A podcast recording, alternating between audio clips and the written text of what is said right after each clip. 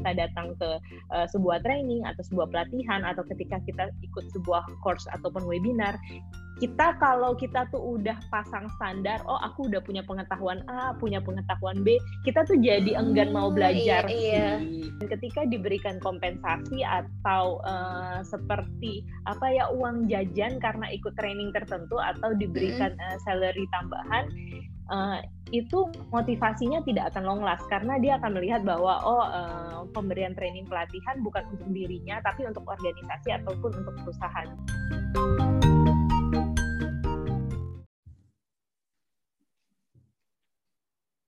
Halo Mbak Fla, ketemu lagi. Nggak terasa udah episode 4. Iya nih, nggak terasa banget ya udah di akhir. Udah di akhir. Nanti kita pikirkan lagi deh ya seri-seri yang lain kalau nanti teman-teman juga pengen tahu lebih banyak nih kayaknya dari Mbak Fla yang emang ahli di bidang career development, juga seorang psikolog yang udah uh, pernah jadi praktisi HR juga, jadi pernah ketemu banyak karyawan. Nah ini ngomong-ngomong soal karyawan, Mbak Fla, kita pengen mm -hmm. ngobrolin kegelisahan dari beberapa teman juga gitu yang mungkin pernah uh, kita tahu gimana sih caranya kita itu uh, punya kemauan dan kemampuan untuk belajar hal baru itu kira-kira. Jadi kalau kita lihat uh, sekarang ini kan ada tuh banyak makin banyak media untuk belajar makin besar tuntutan untuk mempelajari skill baru. Nggak bisa yes. lagi cuma ada di zona nyaman gitu ya. Yang banget. Nah, kita pengen tahu nih uh, Mbak Fa di tengah perkembangan zaman yang semakin cepat ini ya. Banyak banget uh, kebutuhan untuk belajar hal baru. Tapi ada kadang tuh ada momen di mana kita kok males gitu kita kok mau belajar kok sulit nggak cuma males nih habis itu kok sulit gitu nah sebenarnya apa sih faktor-faktor penyebab orang itu mungkin jadi enggan ada di momen-momen enggan untuk meningkatkan skill meskipun tahu sadar kalau harus meningkatkan skill yes ini menarik banget mbak saya pribadi malah pernah mengalaminya juga loh mbak oh ya gitu ya di momen yes. itu ya Mbak ya? Iya, pernah di momen itu. Jadi hmm. mungkin uh, saya share dari pengalaman saya dan pengalaman ketika melihat klien gitu ya Mbak. Jadi memang kalau dilihat memang ada dua faktor utama sih gitu. Uh, mungkin ini balik lagi ke usia. Jadi kalau untuk yang masih muda ataupun saya pernah mengalaminya adalah yang pertama kurang memahami tujuan diri, alias tujuannya tuh masih abstrak, abu-abu gitu. Hmm. Jadi nggak tahu arahnya mau ke mana. Jadinya kurang termotivasi kan.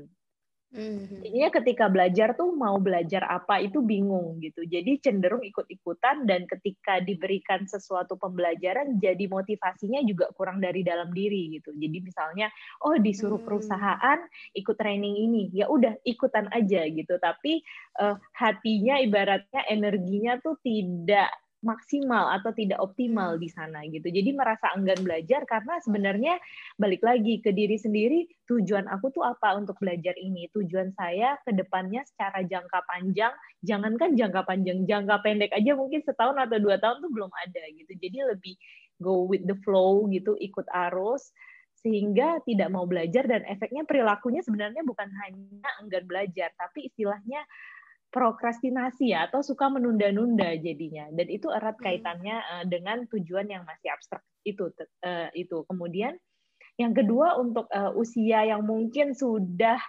uh, tidak muda lagi ya mbak. Itu kan juga terkadang bukan terkadang sering kali keengganan untuk belajar itu menjadi tinggi. Nah itu dikarenakan terjebak di zona nyaman.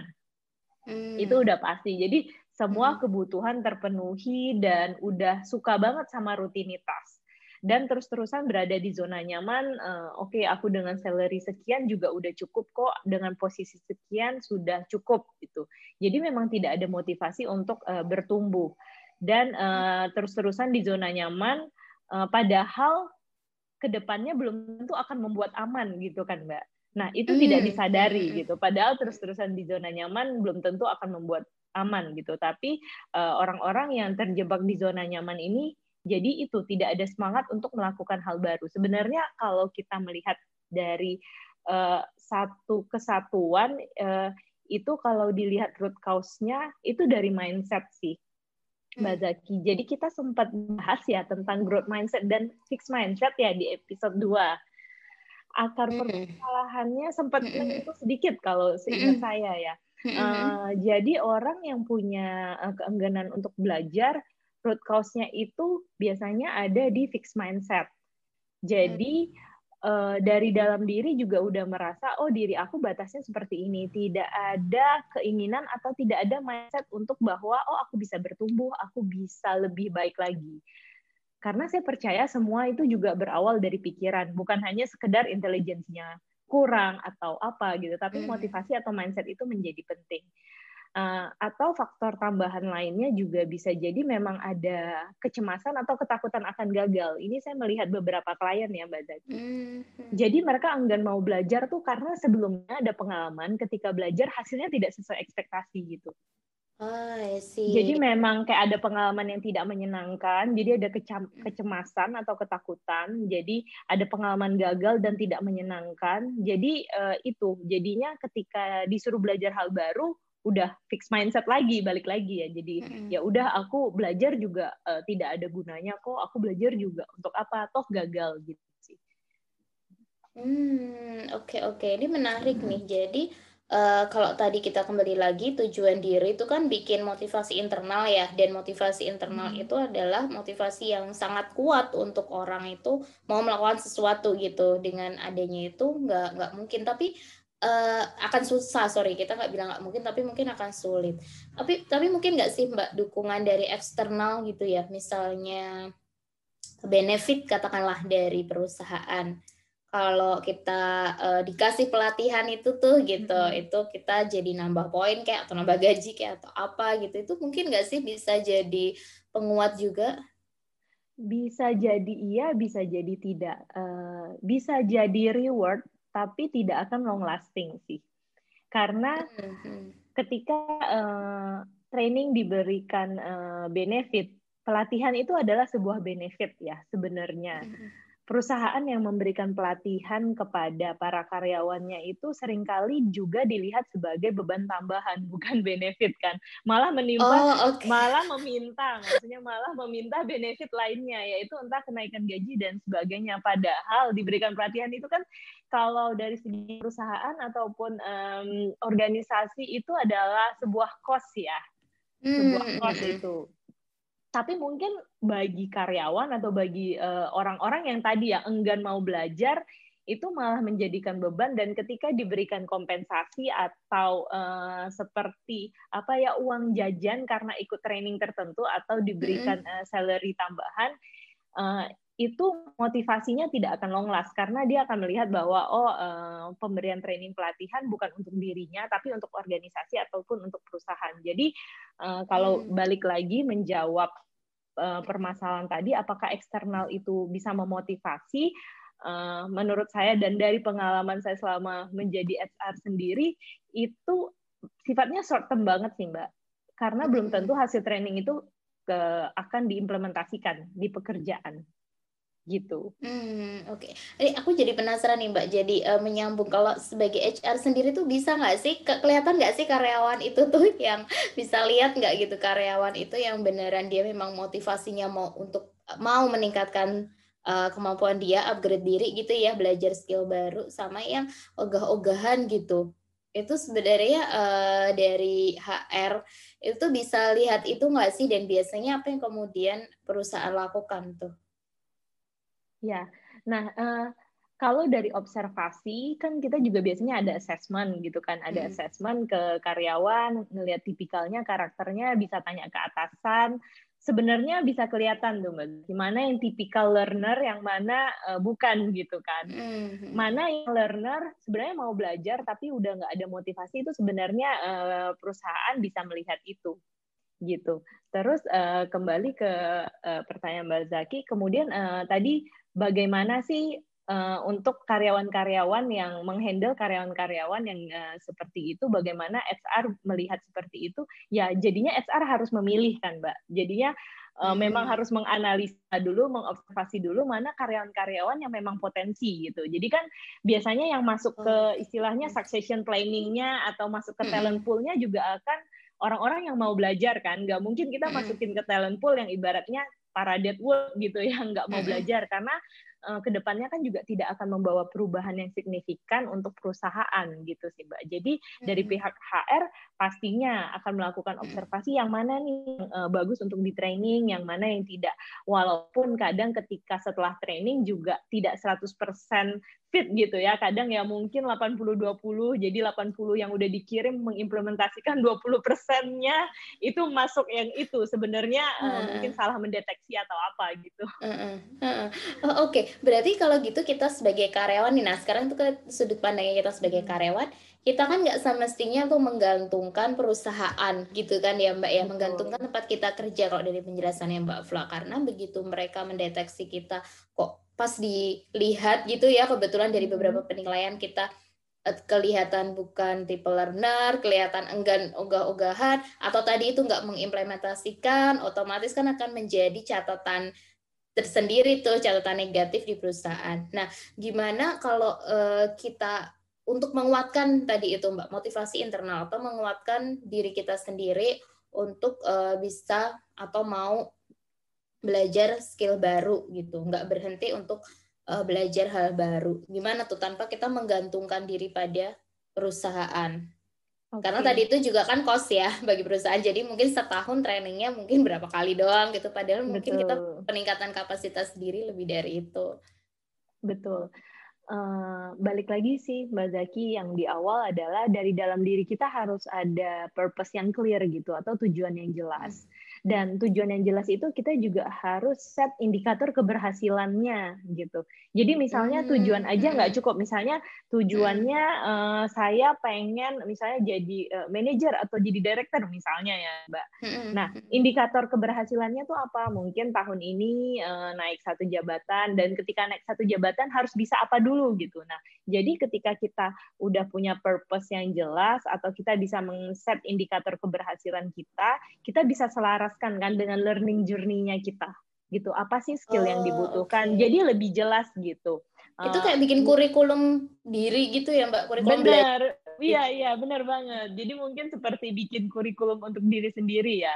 Jadi hmm. kita jadinya tahu kita tuh mau belajar apa dan kita lebih termotivasi karena kita tahu tujuan besar yang mau kita tuju gitu.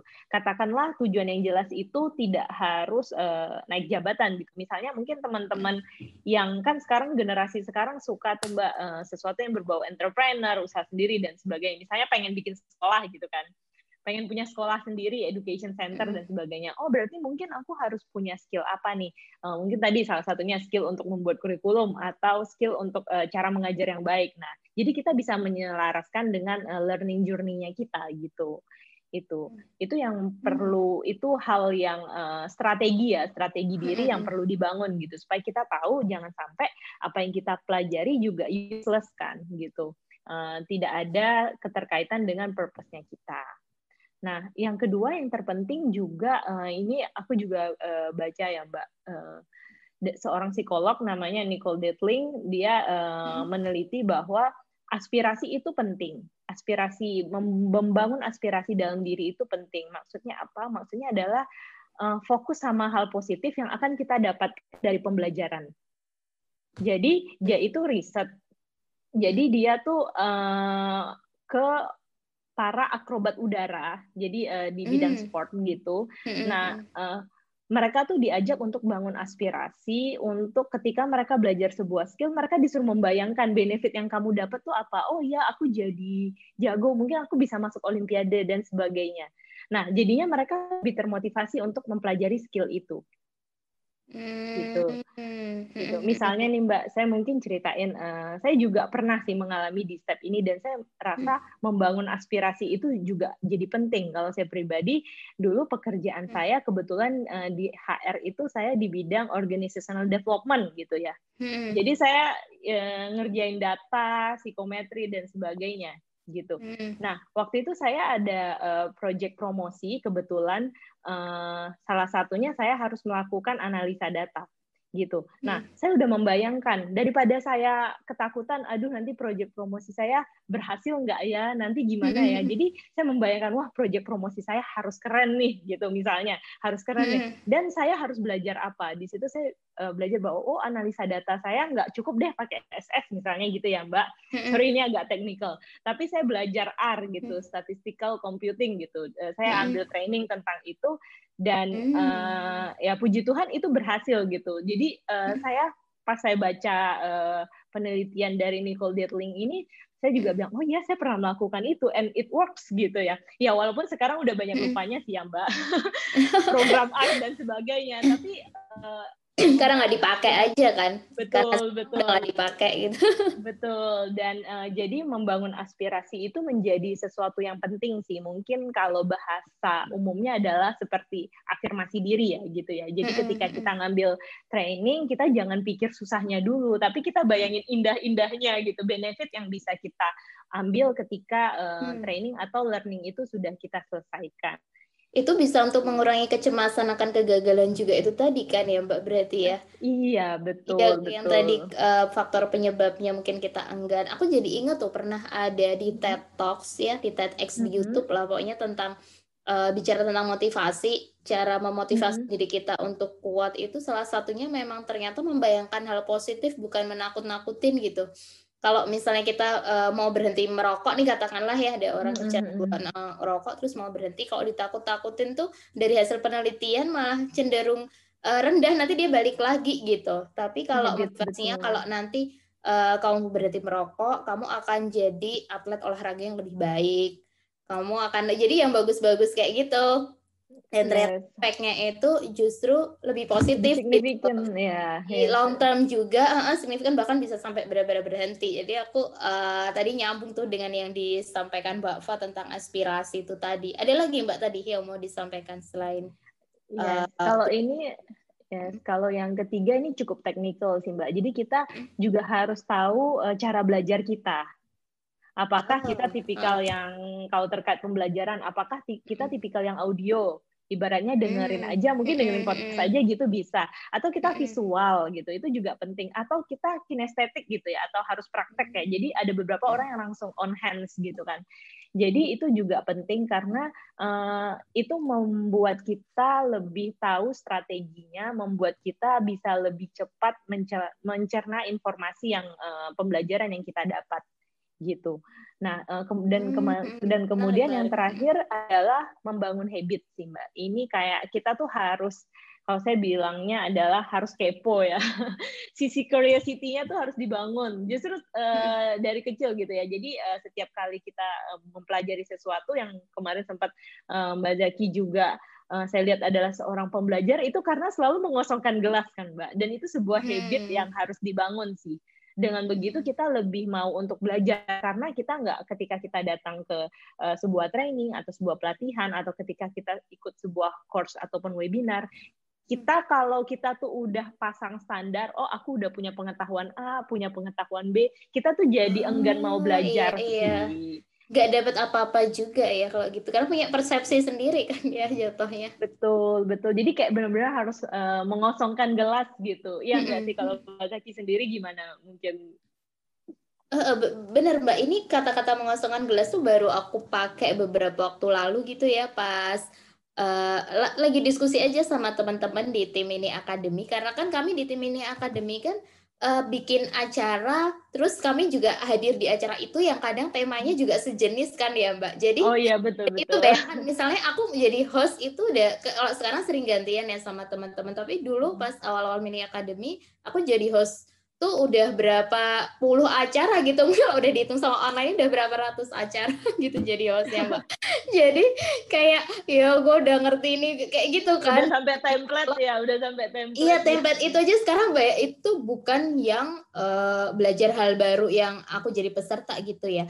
Tapi begitu aku bisa mengosongkan yang tadi Mbak Fla bilang, aku tiba-tiba menemukan insight juga. Ketika aku mengosongkan gelas, itu tuh banyak insight baru yang uh, nggak didapetin di sesi sebelumnya. Jadi kan kadang ada hmm. pertanyaan peserta yang oh, nggak ada di pertanyaan sebelumnya. Terus kadang narasumbernya juga uh, dari apa eksplorasi bahasannya dia kemudian ada cerita baru lagi, ada perkembangan dari hal sebelumnya atau beda narasumber misalnya soal beasiswa nih yang paling banyak kan kita mm-hmm. si narasumber A bilang A, nanti narasumber B bilang B dengan pertanyaan yang sama itu justru bisa dikompilasi gitu loh Mbak. Oke, okay. iya, iya, iya. Ngosongan pikiran kan, kita nggak mikir, ah paling nanti kalau tips beasiswa gitu-gitu aja. Ternyata enggak loh, beda pengalaman orang juga bisa saling melengkapi tuh pengalaman mereka itu bisa saling melengkapi pengetahuan kita akan tips beasiswa dan lain-lain. Sampai akhirnya teman-teman tuh ini kayaknya mini akademi kalau bikin buku udah bisa nih. bisa nyambungin semua. Tapi benar yeah, yeah, yeah. Mbak Fla tadi mengosongkan gelas itu jadi penting banget gitu. Mm -hmm. uh, ketika kita ikut apa belajar sesuatu yang baru ya nggak punya persepsi. Aku udah tahu ini udah tahu itu gitu kan. Kadang kalau orang kan terus jadi uh, mengernyitkan dahi dan memincingkan mata gitu ya iya benar. Udah underestimate oh gue udah tahu. Iya betul. Iya jadi nggak dapat apa-apa. Menarik ini tadi kurikulum diri uh, ini tadi kita catat banget ya uh, aspirasi. Terus cara belajar itu juga jadi hal yang penting karena kita jadi tahu mau platform seperti apa yang kita pilih untuk belajar karena bisa ngefek banget kalau cara belajar yang nggak cocok jadi seolah-olah kita ah kayaknya kok nggak dapat apa-apa ternyata karena cara belajarnya Betul. bukan karena kontennya gitu. Betul. Nah, Mbak Fla kita bicara, oh ada lagi nggak ini soal empat tadi? Masih ada tambahan lagi nggak? Aku catat. Sudah sih Mbak, kalau dari saya empat hal itu. Mantap, mantap. Nah, semangat aja kan nggak cukup ya Mbak Fla. Ini tadi kita baru hmm. bicara di tataran motivasi. Sekarang kita di tataran berikutnya nih, kemampuan gitu kadang kan kita merasa uh, kok aku nggak ngerti-ngerti apalagi kalau sekarang zamannya digital terus kita dituntut mm-hmm. untuk belajar skill baru uh, yang berkaitan dengan digital kayaknya kan puyeng ya meskipun nggak harus mendalam yes. tapi untuk memulai tadi motivasinya udah tapi begitu belajar kemampuan kita tuh udah makin menurun apalagi lihat teman-teman yang lebih uh, awal-awal kerja lah masih habis lulus kuliah tuh kayaknya yes cak cek cak cek banget ya nerima pengetahuan. Iya, mm, nah, nah sekarang ya. Gitu ya. Gimana tuh Mbak Opla bicara soal kemampuan? Oke, okay, uh, eh, jadi refleksi umur nih Mbak.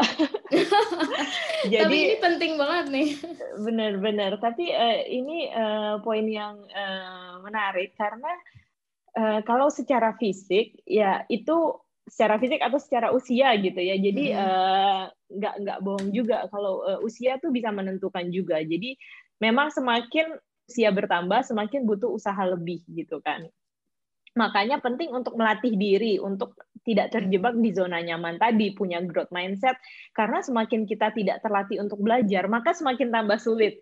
Misalnya udah males mengembangkan diri, tiba-tiba di usia 40 gitu, mau belajar, itu pasti effortnya akan luar biasa Hmm. Berbeda dengan orang yang mungkin dari muda udah uh, terbiasa untuk belajar gitu. Jadi sampai ya profesor-profesor itu ya sampai udah tua juga karena terlatih kan, terlatih untuk belajar, terlatih oh. untuk riset dan sebagainya jadinya lebih mudah gitu untuk orang-orang di uh, usianya gitu. Nah, tapi oh, iya kalau ya.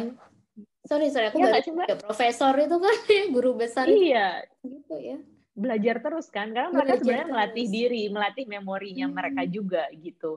Uh, nah kemudian saya juga uh, ada baca mbak sempat baca sebuah penelitian dari Science Daily gitu. Jadi ini memang secara fisik ya uh, di Jerman sih mereka menggunakan alat yang EEG atau elektroencephalograph. Jadi memang ada faktor genetik sih. Jadi memang kalau untuk kemampuan belajar ya brain anatomy misalnya pernah kecelakaan, kemudian hmm. uh, ya itu juga mempengaruhi sih Mbak dan itu sesuatu yang uh, berbau genetik dan kayaknya kita nggak bisa ngapa-ngapain juga ya.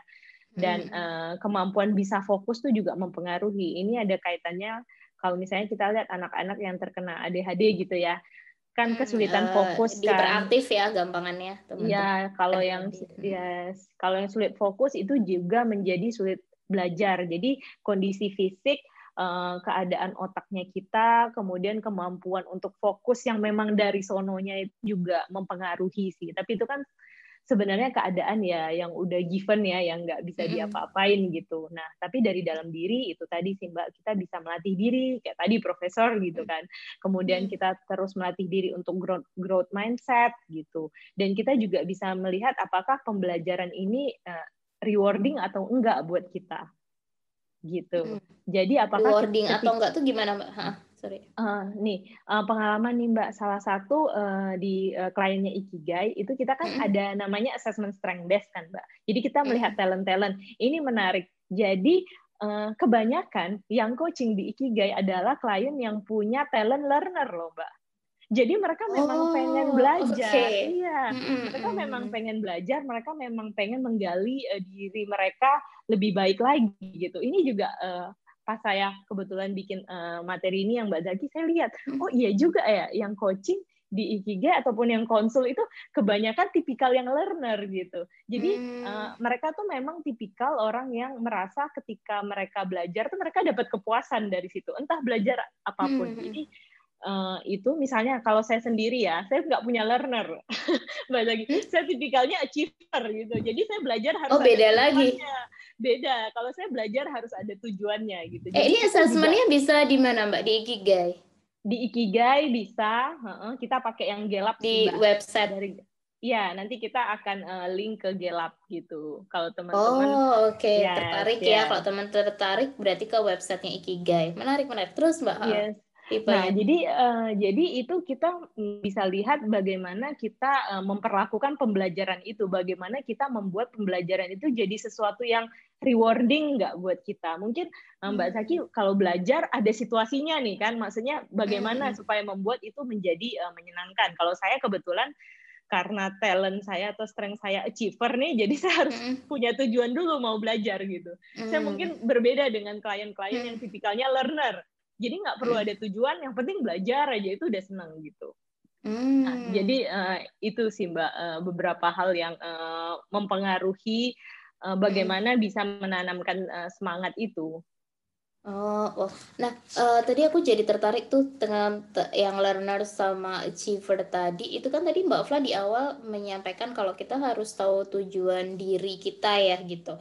Mau kayak gimana set uh, set goals kita gitu yang itu akan mempengaruhi motivasi. Nah, ini tadi kembali nih kalau tipe learner mungkin dia senang aja berproses belajar itu eh, gimana Mbak? Apakah dia nggak butuh tipe-tipe kayak gini tuh nggak butuh tujuan yang clear banget seperti yang disampaikan Mbak Fla tadi? Kalau aku balik ke situ lagi nih. Yes, yes, yes. Uh, nah, uh, tipikal yang learner ini biasanya mereka kan menghargai proses belajar. Kalau hmm. strength hmm. ini uh, yang Mbak Zaki sebenarnya bisa jadi bumerang buat kita kalau kita salah ibaratnya uh, salah menggunakannya, misplaced atau berlebihan. Misalnya hmm. nih kebanyakan klien tuh juga yang problem belajarnya, mereka bukan bela problem di belajarnya, justru problem kebanyakan belajar jadi bingung mau ngapain. Oh oke, okay. oh akhirnya ah ini tadi jadi berarti uh, jadi balik lagi kurikulum diri jadi penting karena itu yang Betul. akan memberikan boundaries gitu ya akan memberikan uh, mereka batas sampai mana mereka belajar. Nanti jangan-jangan belajar terus nggak nggak implementasi tadi. Iya banyak loh mbak. Ternyata uh, eh, okay. kita biasanya merasa bahwa orang yang sulit mm. belajar tuh uh, sulit maju atau sulit mencapai tujuan. Ternyata di sisi lain orang-orang yang senang belajar mereka juga mengalami kebingungan gitu karena semua dipelajari gitu. Dan berubah-ubah uh, kan. Biasa ini menarik, yeah. terus ini menarik, semua dipelajari dan akhirnya kayak nggak ah. tahu nih tujuan yang mau dituju apa gitu. Oh iya iya, unik unik. ini menarik deh. Aku jadi bagaimanapun akhirnya kurikulum diri itu penting banget ya, baik buat achiever maupun buat uh, learner gitu dan mungkin tipe-tipe lain. Nah, nanti teman-teman bisa cek tuh tipe teman-teman sendiri tuh di Ikigai Consulting gitu. Nanti dibuka di websitenya. Seru-seru Mbak. Nah, uh, tadi kalau kita balik lagi kemampuan tadi memang uh, ada faktor genetik ada tapi latihan itu yang mungkin bisa kita lakukan kita kan nggak perlu meng, hmm. kita nggak bisa mengendalikan apa yang memang tidak bisa kita kendalikan ya mbak tapi kita bisa Betul. melakukan apa yang kita bisa kendalikan dan melatih itu adalah hal yang penting karena kalaupun ada hal-hal tertentu terkait genetik juga terapi-terapi itu kan juga dilakukan gitu Betul. artinya latihan itu menjadi sesuatu yang bisa kita kontrol dan kita lakukan. Nutrisi mungkin nggak sih Mbak mempengaruhi kemampuan? Aku jadi mikir-mikir juga nih ya. um, saya tidak expert di bidang nutrisi sih Mbak, tapi dari sebaca ya? saya nutrisi membantu kan. Kalau lihat di iklan-iklan banyak kan vitamin untuk otak gitu. Oke oke. Ini aku jadi khawatir kebanyakan makan junk food gitu jangan-jangan bikin gue makin generasi generasi micin nih mbak. Generasi gitu. micin bikin. Tapi katanya micin bikin pinter loh. Loh, nah itu kita bercandaannya bercandaannya orang-orang kan gitu ya. Itu mah pembenaran biar makan micin ya. Nah Mbak Fla, uh, kompetensi seperti apa sih pada akhirnya harus kita tumbuhkan ya? Mau kita di stage apa pun, mau kita tipe apa pun gitu kompetensi apa sih yang benar-benar harus kita tumbuhkan untuk punya kemauan uh, belajar dan kemampuan belajar hal baru. Jadi kita tuh naik kelas terus gitu, nggak stagnan. Karena itu tadi kan zona nyaman nggak selalu aman kan ya? Iya ya benar-benar. Uh, kalau terkait kompetensi, uh, yang main kompetensinya adalah critical thinking dan problem solving skills sih mbak. Jadi kita belajar dulu untuk mengidentifikasi permasalahan, tapi cukup sehari-hari gitu. Uh, critical thinking mungkin teman-teman yang masih kuliah atau uh, kita yang sudah di dunia ke kerja itu bisa mulai dari asking questions gitu.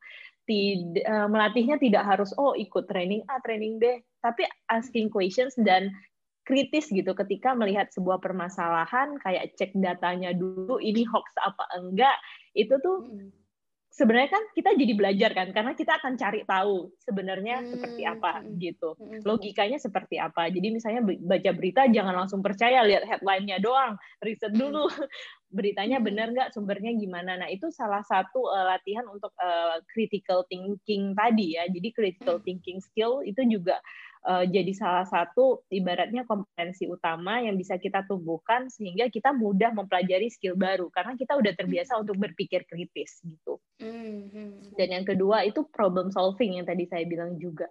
Jadi uh, setelah kita berpikir kritis, kita juga belajar untuk uh, cara memecahkannya seperti apa gitu. Terutama uh, ini sangat membantu ketika teman-teman belajar skill baru itu tidak hanya uh, di pemikiran aja, tapi juga tahu implementasi dan eksekusi dari skill yang dipelajari seperti apa. Nah, itu membuat ketika kita belajar skill baru itu kita naik kelas kan, tidak hanya uh, di pemikiran kita atau di otak kita juga, tapi kita juga mengimplementasikan ke dunia realnya seperti apa, gitu. Mm-hmm.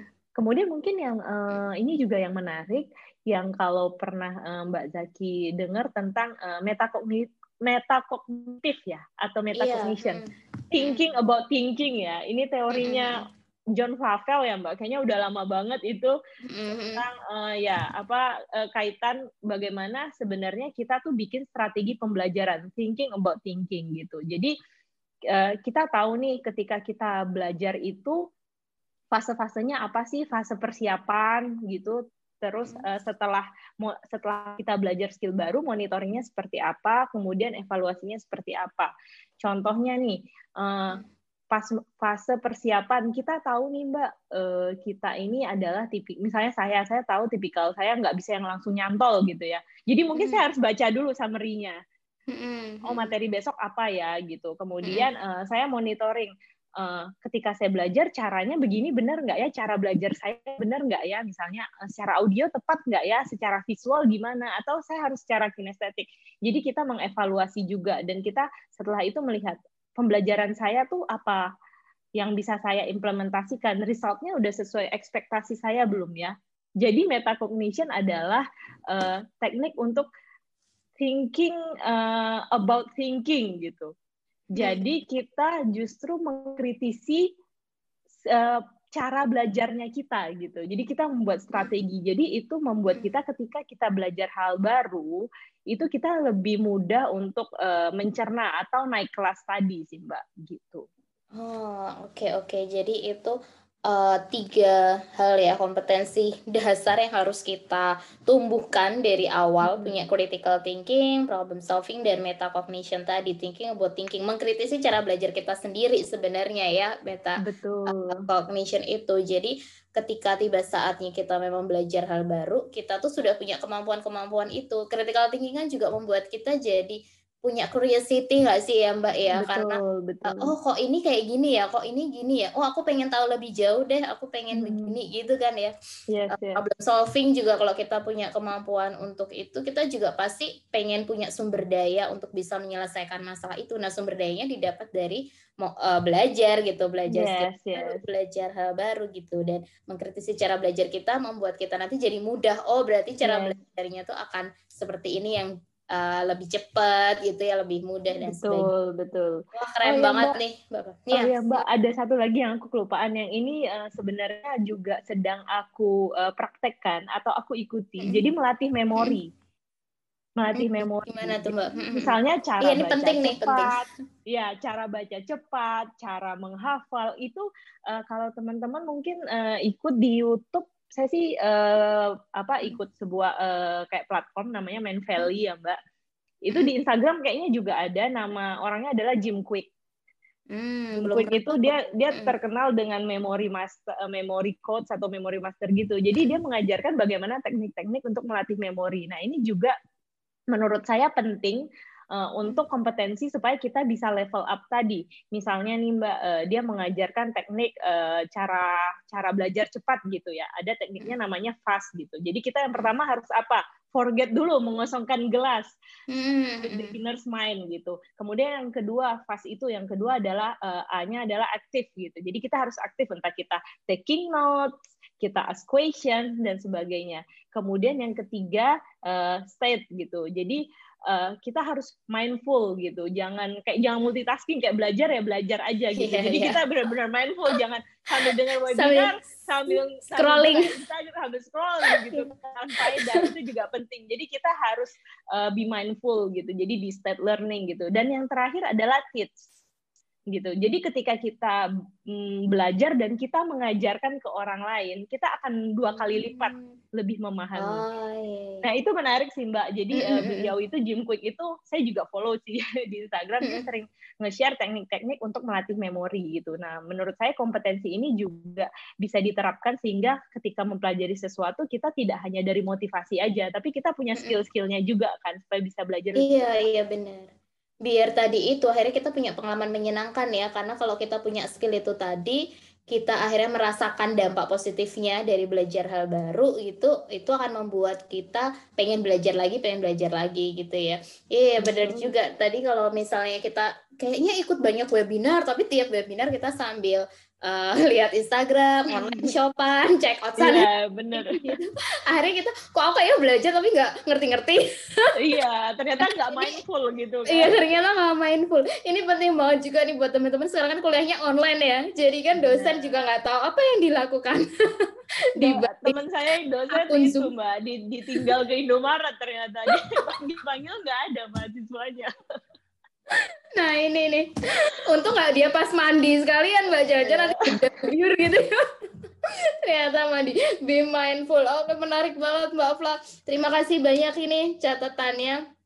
Uh, dari episode 1 sampai episode 4 kalau disambungin tuh kayaknya kalau kita overview ya dari uh, episode pertama uh, kita kok aku jadi lupa episode pertama kita ngomongin episode kedua kan usia ya episode yeah. ketiga ikigai oh pertama tuh mencintai pekerjaan yang tidak pekerjaan. kita cintai. Bagaimana mencintai pekerjaan yang tidak kita cintai gitu.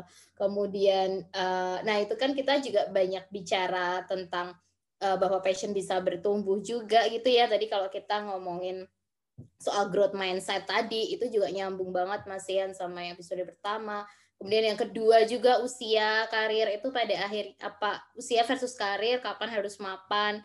Itu tadi sangat terkait dengan kurikulum pembelajaran diri. Mau kita mau ngapain ke depan umur 40 mau ngapa dan seterusnya gitu ya. Ketiga kemarin seru banget bicara ikigai karena kalau bisa memenuhi semua ikigai tapi jangan sampai stres gitu ya. Be mindful kali ya mbak ya. Tadi itu kita benar, benar. siap yang mau kita capai di aspek-aspek ikigai itu gitu. Dan yang terakhir untuk kita bisa memenuhi ikigai untuk kita bisa mapan secara kompetensi maupun finansial dan lain-lain kemudian untuk kita bisa uh, apa yang mindful dengan pekerjaan kita merasa uh, suka dengan pekerjaan kita dan sebagainya itu semua membutuhkan keahlian-keahlian yang harus kita upgrade selalu. Dan di episode 4 ini kita menutup dengan kemauan dan kemampuan untuk belajar hal baru. Gitu. Yes. Terima kasih banget Mbak Fla.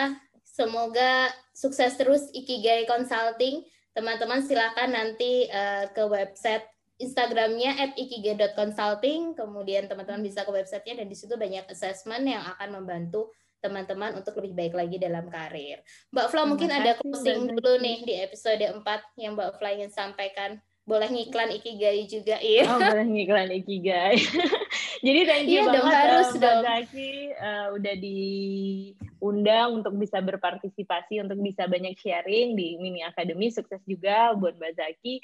Uh, kalau dari saya sebenarnya kita itu membahas tentang karir dan pembelajaran, which is kalau dari saya enjoy aja gitu ya sebenarnya. Make life simple gitu. Jadi um, nggak perlu terlalu stres dan kita juga harus memperhatikan mental health dan well-being kita gitu. Jadi kalau misalnya ini ngiklan ya. Jadi kalau teman-teman merasa harus dong.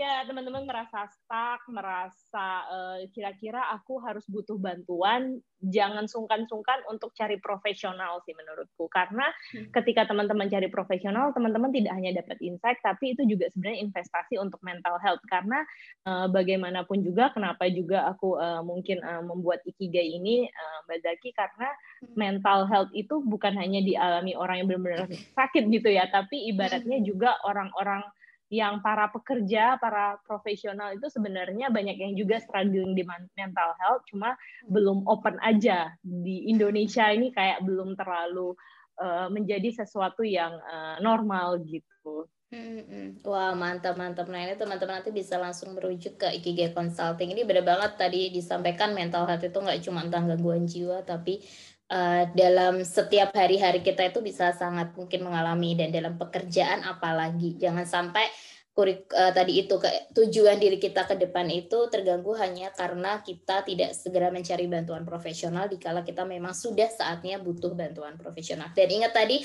kosongkan gelas ketika bertemu dengan profesional, bertemu dengan siapa pun, belajar apa pun, tahu hal baru dan sebagainya gitu. Terima kasih banyak Mbak Fla. Kita Sama ketemu lagi di kesempatan-kesempatan lainnya. Dadah, terima kasih.